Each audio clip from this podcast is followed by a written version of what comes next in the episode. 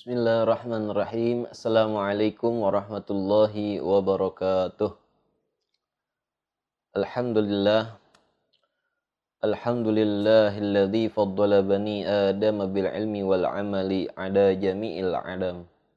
Wassalatu wassalamu ala sayyidina Muhammadin sayyidil arabi wal ajam. Wa ala alihi wa sahbihi yunabi'ul ulum wal hikam. Asyhadu an la ilaha illallah wa asyhadu anna sayyidana Muhammadan abduhu wa rasuluh. Allahumma salli wa sallim wa barik ala sayyidina Muhammadin. Miftahi babi rahmatillah adada ma fi ilmillah sadatan wa sadaman daimaini bidawami mulkillah wa ala alihi wa sahbihi wa mawalah la hawla wa illa billah. Amma ba'du Subhanaka la ilma lana illa ma'alamtana innaka antal alimul hakim. Rabbi syurah li sudri wa yasir li amri wa hlul uqdatan min lisani yabkahu qawli. Alhamdulillah Puja serta puji syukur kehadirat Allah subhanahu wa ta'ala Yang mana Allah subhanahu wa ta'ala Masih memberikan kita kenikmatan Terlebih nikmatan yang mulia yakni ketetapan iman dan Islam di dalam hati kita sehingga kita masih dapat beribadah kepada Allah Subhanahu wa taala dan alhamdulillah pula Allah masih memberikan kita nikmat kesehatan sehingga kita masih dapat uh, bertatap muka bermuajahah untuk mencari ilmunya Allah Subhanahu wa taala dalam rangka thalabul ilm. Dan mudah-mudahan satu harapan dan doa. Mudah-mudahan nikmat yang Allah berikan kepada kita, iman dan Islam, terlebih sehat walafiat, bisa menjadikan kita terus bertambah ibadah kita kepada Allah Subhanahu wa taala dan juga uh, mengencangkan daripada uh, niat kita untuk belajar mencari ilmunya Allah Subhanahu wa taala. Amin ya rabbal alamin.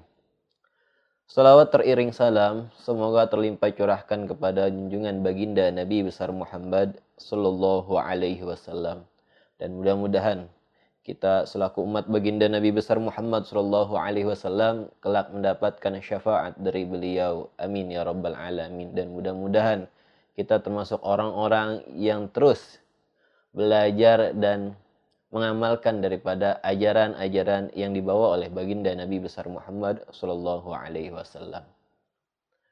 Alhamdulillah pada kesempatan hari ini kita masih bisa bertemu kembali dalam rangka mempelajari ilmu tajwid yakni ilmu yang mengajarkan kita tentang bagaimana tata cara kita membaca Al-Qur'an dengan baik dan benar dan mudah-mudahan kita selalu diberikan semangat oleh Allah Subhanahu wa taala agar senantiasa kita terus memperbaharui daripada bacaan-bacaan kita dan mudah-mudahan Allah buka daripada semangat kita untuk selalu mempelajari ilmu tajwid tersebut. Alhamdulillah kita sudah mempelajari di antaranya dalam uh, pembahasan hukum uh, nun mati dan tanwin Pertama kita sudah membahas tentang hukum idhar. Kita sudah membahas tentang hukum idgham, baik idgham bila guna ataupun idgham diguna. Dan juga kita sudah membahas tentang ikhfa dan yang terakhir dalam pembahasan hukum nun mati atau tanwin. Sekarang kita akan membahas tentang hukum yang disebut dengan iklab. Iklab perlu kita ketahui bahwasanya iklab secara bahasa artinya adalah berubah. Secara bahasa iklab itu dikategorikan sebagai merubah. Sedangkan secara istilah iklab itu adalah merubah uh, bunyi daripada hukum nun mati atau tanwin menjadi hukum uh, huruf huruf mim.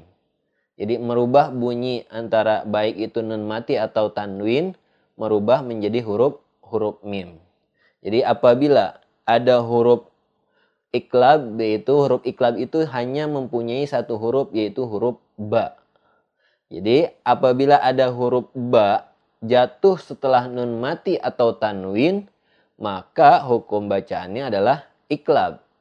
Contohnya misalkan seperti Yam yam harusnya nun mati itu dibaca tapi karena hukum iklab ini menghilangkan daripada uh, nunnya ini, nun sukunnya.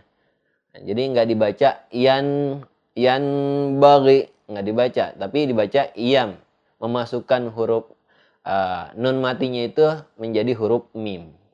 Yam bagi yam bagi gitu atau mim baini mim baini begitu. Memasukkan huruf uh, nun sukunnya dihilangkan menjadi huruf mim dan juga disertai dengan dengungnya.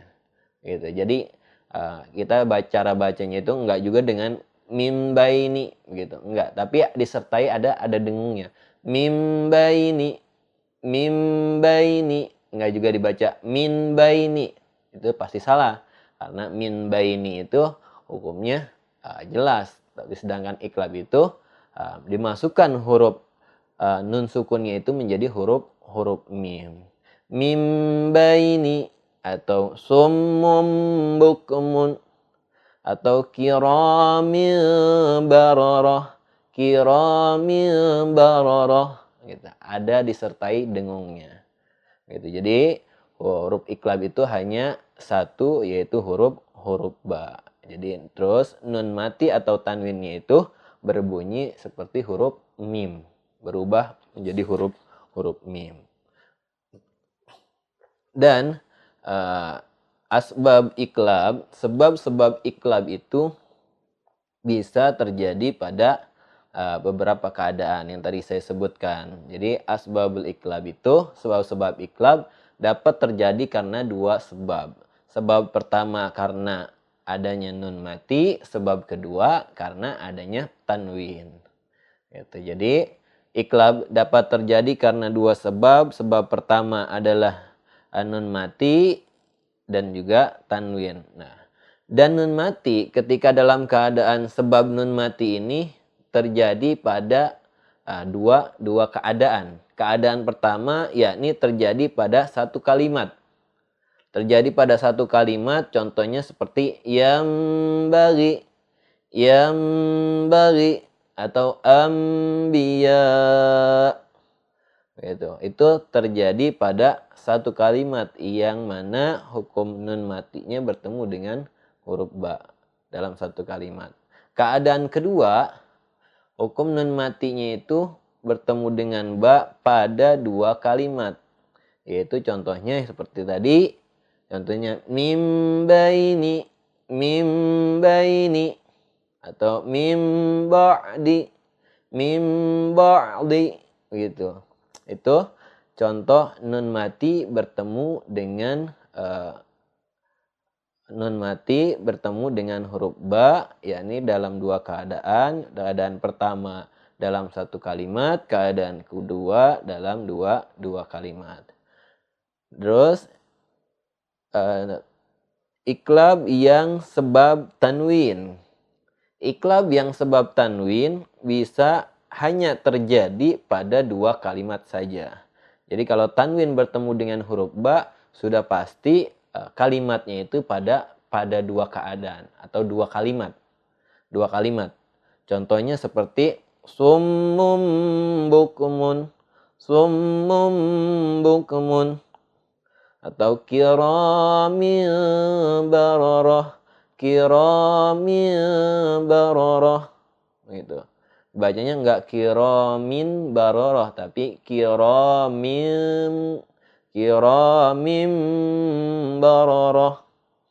Itu ada e, dimasukkan seperti huruf mim dan juga ada dengungnya disertai dengung. Nah itu adalah hukum daripada idgham jadi idgham memiliki huruf hanya hanya satu dan secara bacanya idgham itu adalah merubah bentuk aslinya. Jadi yang harusnya nun mati ketemu ba itu, jadi nunnya itu uh, dimasukkan bunyi huruf huruf mim. Itu hukum yang terjadi pada iklab. Jadi nun matinya atau nun sukunnya atau tanwinnya itu di, dihilangkan cara bacanya. Tapi memasukkan huruf nun sukun atau tanwin itu seperti huruf huruf mim. Itu seperti yang tadi kita sudah bacakan daripada contohnya mim nggak boleh dibaca. Kalau kita baca dalam huruf iklab itu nggak boleh baca min baini gitu. Min baini itu salah. Nun mati ketemu ba hukumnya eh, iklab maka cara bacanya adalah mim dimasukkan nun sukunnya ke dalam huruf mim. Mim baini mim baini gitu. Disertai dengung sebanyak dua harokat gitu. Kiramim baroroh. Nggak boleh juga kita baca kiramin baroroh atau kiramin baroroh. Nggak. Tapi kiramim kiramim baroroh begitu atau mim baini. Nggak dibaca. Mim baini. Nggak tapi mim ada ada disertai dengungnya walaupun sedikit gitu. Sebanyak eh, minimal dua harokat. Mim baini gitu. Itu adalah hukum iklab jadi iklab itu mempunyai satu huruf ah, dan bisa terjadi pada dua sebab. Sebab pertama karena huruf iklab yang ba itu bertemu dengan nun sukun ataupun bertemu dengan tan tanwin. Baik tanwin fathah tanwin kasroh ataupun tanwin tanwin doma. Dan penjelasan daripada dua keadaan sebab dua bab itu adalah sebab pertama sebab nun mati bertemu dengan uh, ba terjadi pada dua keadaan yakni keadaan pertama dalam satu kata keadaan kedua pada dua kata atau dua kalimat dan ba yang bertemu dengan tanwin uh, hanya terjadi pada pada dua kalimat. Jadi kalau tanwin baik itu tanwin fathah, kasroh ataupun dhammah, ketika ia bertemu dengan huruf iklab, pasti kalimatnya itu terjadi pada dua dua kalimat. Itu itu adalah penjelasan daripada uh, hukum hukum iklab dan mudah-mudahan apa yang kita pelajari pada kesempatan hari ini walaupun sedikit bisa bermanfaat dan kita bisa mengamalkan dalam bacaan kita sehari-hari dan mudah-mudahan kita juga diberikan oleh Allah Subhanahu wa taala uh, kemudahan dalam mempelajari ilmu Al-Qur'an karena ilmu Al-Qur'an adalah ilmu yang sangat penting untuk kita kita pelajari. Karena Al-Qur'an adalah pedoman bagi bagi manusia. Jadi sudah selayaknya, sudah sepatutnya sudah sewajibnya seorang mukmin ah, orang Islam bisa membaca Al-Quran dengan baik dan benar. Gimana? Ayo sama-sama kita belajar, yakni memperbaharui daripada bacaan kita. Belajar membaca Al-Quran, walaupun mungkin sekarang kita masih uh, belum sampai tahap membaca Al-Quran yang baik dan benar.